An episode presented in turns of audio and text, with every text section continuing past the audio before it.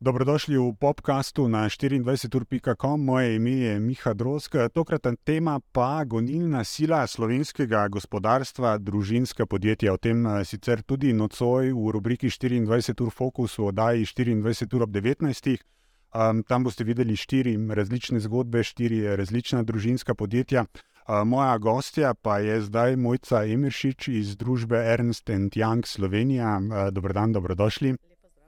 Torej, družinska podjetja so to, nekako potrjujejo tudi podatki um, hrbtenica slovenskega gospodarstva. Po nekaterih raziskavah je namreč kar 83 odstotkov podjetij v Sloveniji vodenih družinsko, ta podjetja zaposlujejo kar 70 odstotkov um, delovno aktivnega prebivalstva. Večinoma pa gre za mikro oziroma majhna podjetja z manj kot 50 eh, zaposlenimi.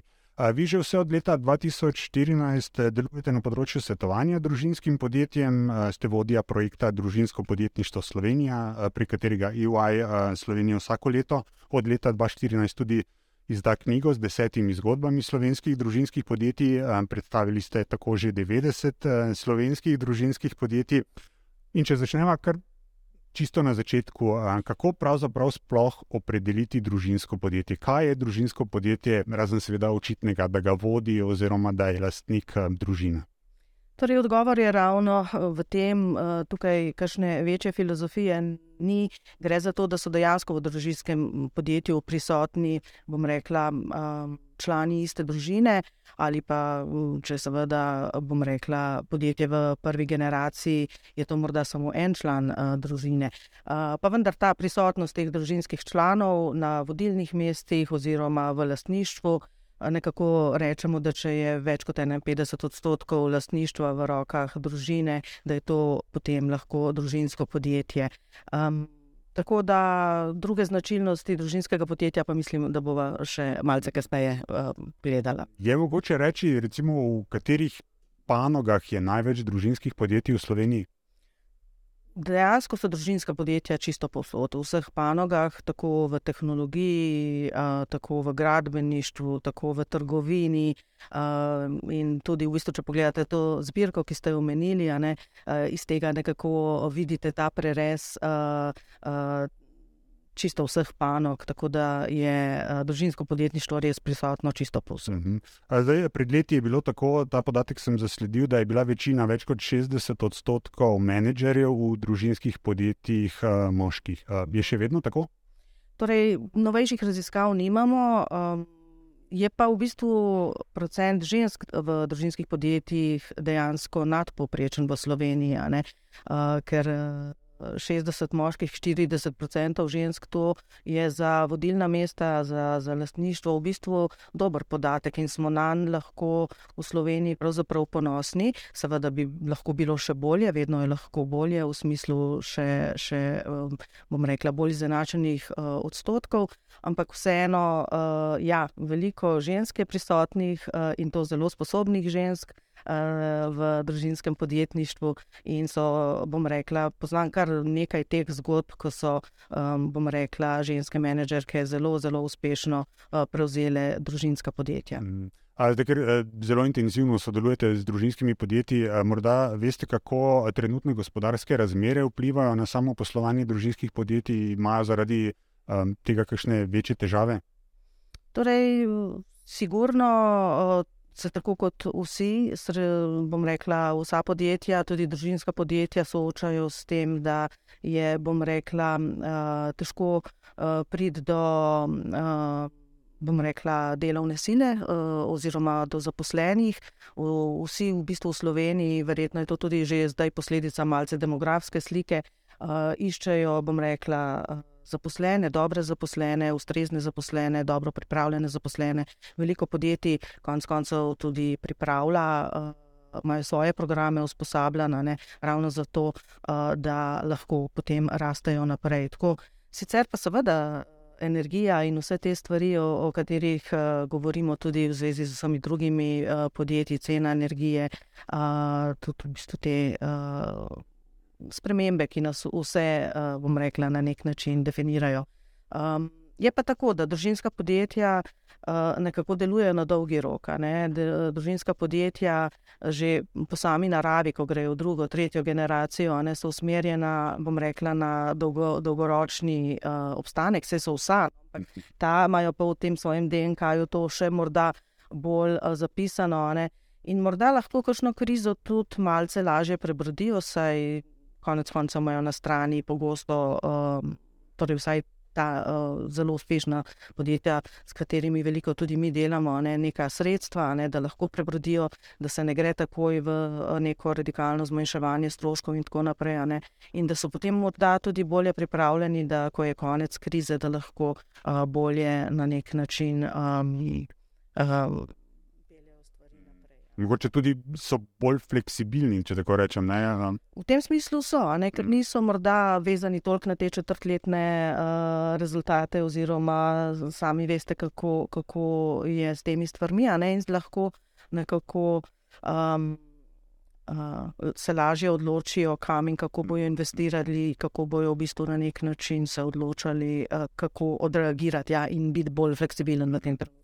Kdo pa glede na vaše izkušnje vodi eh, družinska podjetja v Sloveniji? Je to še vedno večinoma prva generacija, torej generacija, ki je podjetje ustanovila in tako naprej, ali se že dogaja ta prenos lastništva, tudi vodenja na naslednike? Ja, zelo, zelo veliko. Uh prenosov se dogaja ravno v tem času. Um, čeprav druga generacija je v bistvu prisotna v podjetju, lahko že tudi 10-15 let, ne, uh, oziroma še več. Ne, tako da pogosto se mi srečamo s podjetji, kjer je prva generacija in potem druga, ki. Um, Ja, so že predstavniki druge generacije, so že na direktorskih mestih, tako da je prva generacija še nekaj v zadju, lahko tudi v neki vlogi uh, bom rekla, svetovalcev, nadzornikov, ali pa so se uh, čisto umaknili zelo različno. Mm. Ta prenos na naslednjo generacijo to je nekaj, s čimer se slej ali prej pač sooči vsako družinsko podjetje. Ne? Kaj sicer opažate vi, e, gre pri tem prenosu še vedno večinoma za prenos staršev na otroke, ali so nekako podjetniki dovzetni tudi za to, da predajo podjetje komu, da nimo od zaposlenih, ki ni član družine? Vsekakor eh, tukaj so zelo različni scenariji. Um, nekako uh, se morda kdo, katero izmed družinskih podjetij, boji zaupati nekomu izven družine. Včasih je tudi situacija, ko so se opekli, pa si nekako med sabo najbolj zaupajo pa vendar, uh, bom rekla, prav najbolj uspešna podjetja so, bom rekla, tukaj v tem kontekstu te stvari razčistile in zaupajo tudi zunanjim menedžerjem, ne, in so potem lahko, seveda, družinski člani tudi v vlogi lastnikov uh, ali pa sodelavcev, ampak uh, nekako ta princip. Bom rekla, res usposobljenosti za, za, za to, kar delaš, je tudi nekaj, kar, kar mi uh, v naših pogovorih s družinskimi podjetji res, um, bom rekla, spodbujamo in promoviramo. Ja. Kaj pa je pomembno pri tem prenosu na naslednjo generacijo, da to poteka čim bolj gladko, brez zapletov? Pomembno je v bistvu to, da se zaveš, da je k temu potrebno pristopiti kot k procesu. Torej, to ni nekaj, kar se boš lahko pogovoril ali dogovoril ob nekem nedeljskem kosilu, sicer je to lahko začetek, veliko krat ta proces v eni fazi um, pomeni tudi določene pravne in davčne uh, elemente. In uh, na nek način je res pomembno, da se posvetuješ, kako bi tak proces lahko potekal, kaj vse je potrebno razmišljati, kakšne so potencijalne, um, bom rekla, pasti, in da bo v bistvu veliko tudi pogovarjanja o tem, kaj si pravzaprav želimo, kdo pravzaprav želi biti v družinskem podjetju, na kakšen način, kako. In, in, in ko govorimo o tem prenosu, potem uh, pogosto naletimo na neki izraz družinska ustava. Uh, nam lahko razložite, kaj pravzaprav sploh to pomeni, kaj je družinska ustava? Ja, družinska ustava je ravno ime za ta proces. Sicer na koncu, bom rekla, ta družinska ustava predstavlja tudi nek dokument, ki ga mi, ko delamo z družinskimi podjetji, priporočamo, da je opremljen tudi z slikovnim gradivom in tako naprej, se natisne, se podpiše. Ampak nekako družinska ustava v bistvu vsebuje tako ta mehki del, kot morda ta uh, bolj uh, pravni in davčni del. Ne. Mehki del uh, pa družinske ustave pa je ravno ta dogovor in pogovor, identifikacija skupnih vrednot. Temu v bistvu, kaj je naš. Angliška beseda je purpose, mislim, da govorimo v Sloveniji kot namen. Kaj, zakaj smo mi kot družinsko podjetje in to je lahko tudi nek motivacijski faktor, tako potem za, bom rekla, naslednje generacije, kot za zaposlene, kot za druge deležnike. Ne? Potem se pogovarjamo o teh. Um, O, o nekem kodeksu, o tem, kakšna uh, obnašanja podpiramo, kakšna obnašanja ne podpiramo um, kako v bistvu vključiti eh, in zaposlovati uh, družinske člane v podjetju. Ali so v bistvu njihove pravice in dožnosti enake kot uh, vseh ostalih v, v podjetju, ne, kar je običajno zelo dobro, če želiš, da imaš neko uh, urejeno podjetje. Uh, potem pa tudi, seveda, naprimer, en pomemben del je. Um, razvoj uh, in usposabljanje, bom rekla, uh, naslednjih generacij, lahko tudi sedanjih, uh, razmislek o tem, kakšne so kompetence dobrih lastnikov, tako da vse to. Tam drugi del ne, je pa potem, bom rekla, pravni davčni, ne, ko je treba razmisliti seveda o vseh davčnih vidikih ali pa tudi, bom rekla, o tem, kako potencialno vstopiti in izstopiti v podjetje, kakšne so pravice in dožnosti, ki izhajajo iz tega. Ne, to so vse zelo pomembne hm. stvari. In kaj pažete, kje so morda nekako največji strahovi staršev, prenosnikov, ko predajajo podjetje naslednji generaciji? Največji strahovi uh, so v bistvu v tem smislu, ali bo to pravzaprav, uh, ali bojo z odgovornostjo to prevzeli, torej neka vprašanja zaupanja, ali bojo v bistvu s tem znali ravnati, um, ali bodo v pristopu povsem drugačni, kar verjetno bojo, ne, ne, ne povsem, ampak uh, uh, vsaka generacija prinese seveda neke nove poglede, nove rešitve. Tako da tukaj je pač mogoče včasih tudi strah pred neznanim, strah pred tem, da, da, da kako zaupati.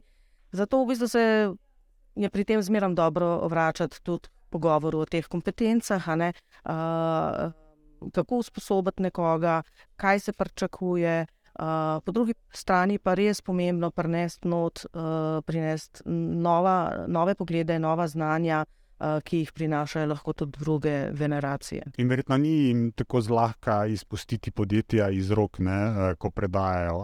Pač. Zelo različno. Uh, nekaterim je res to v bistvu uh, težje, uh, so pa drugi, ki um, pravzaprav ne vem. Um, ta razmislek naredijo že pri svojih 40-ih, uh, eh, ko so v bistvu tako rekoč na vrhuncu svojih moči.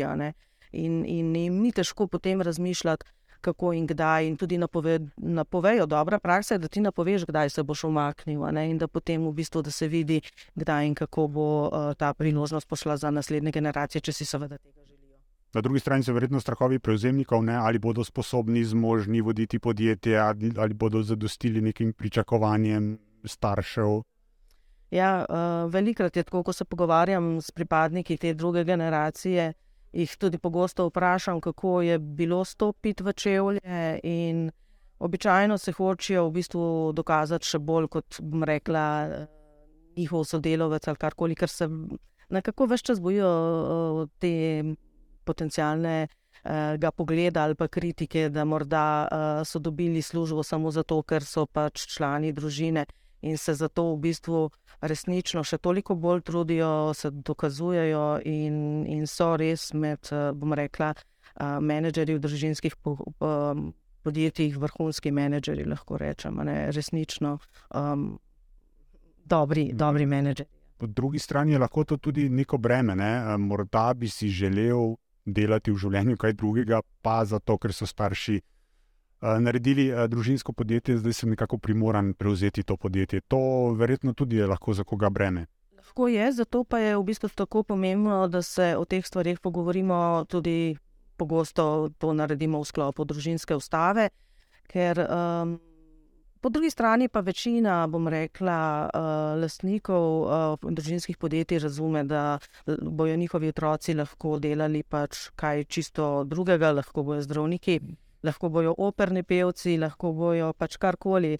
Dejansko pač je bil nek primer, ko smo delali tudi z, z takimi, ampak je bilo pa zanimivo, da so se v teku družinske ustave uh, začeli zanimati za podjetje in se potem v bistvu odločili, da bi pa kljub vsemu, da jih tudi finance konec koncev zanimajo in da bi se radi bolje usposobljali in tako naprej. Tako da, uh, to je en tak zanimiv proces, ki, ki je pač vezan tudi na to, kje si v enem trenutku, čez deset let lahko, da bo nekaj drugače. Včasih uh, grejo, uh, bom rekla, pripadniki druge generacije malce po svoje, ne se razgledajo po drugih podjetjih, pa potem pridejo nazaj, kar je lahko tudi zelo uh, dobrodošlo in koristno, ker si v bistvu s tem razširiš pogled. Mm, kaj pa konflikti? Uh, opažate, da so konflikti v takšnih procesih pogosti? Konflikt, uh, vsaka družina ne, bo uh, preko slej, uh, bom rekla, se znašla v stanju konflikta. Ne. Bolj pomembno je v bistvu, kako. Um, kako uh, ta uh, konflikt obvladaš, ali pa kako se v njemu znajdeš. Tako da uh, mi temu dajemo ver, velik podarek in kot sem rekla, to je lahko en del kompetence, ne, da ti razumeš, kako in na kakšen način previhariš. Uh, neke, uh, neka nestrinjanja, uh, in um, je to potem dosti lažje, če se tega zavedaš, in če si v bistvu tudi um, bom rekla, pomagaš z, z nekom tretjim, ne, ki včasih pomaga nekako umiriti strasti in, in uh, nasloviti v bistvu um, konflikt. Oziroma, tukaj je običajno zmeram to, da se čisto ne slišimo, da se naučimo malce poslušati drug drugega in da vidimo, zakaj točno mhm. gre. Ja. Je mogoče sploh reči nekako uh, generalno, kaj pomeni uspešno nasledstvo? Um, ali je to odvisno od primera do primera? Um, Kaj opažate? Uspešno nasledstvo v kontekstu, seveda, družinskega podjetništva je uh, uh, uspešno podjetje. To pomeni, da je zadaj, uh, bom rekla, povezana družina, ki na nek način dobro sodeluje, kjer so vloge družinskih članov popolnoma jasne, kjer so pričakovanja popolnoma jasna, oziroma vsaj v večini jasna.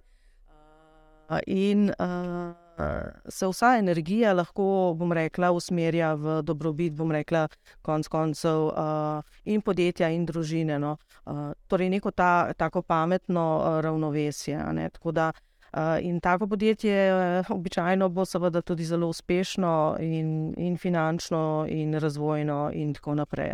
Tako da v tem smislu, ja, uh, je sigurno, bom rekla, to lahko neko merilo.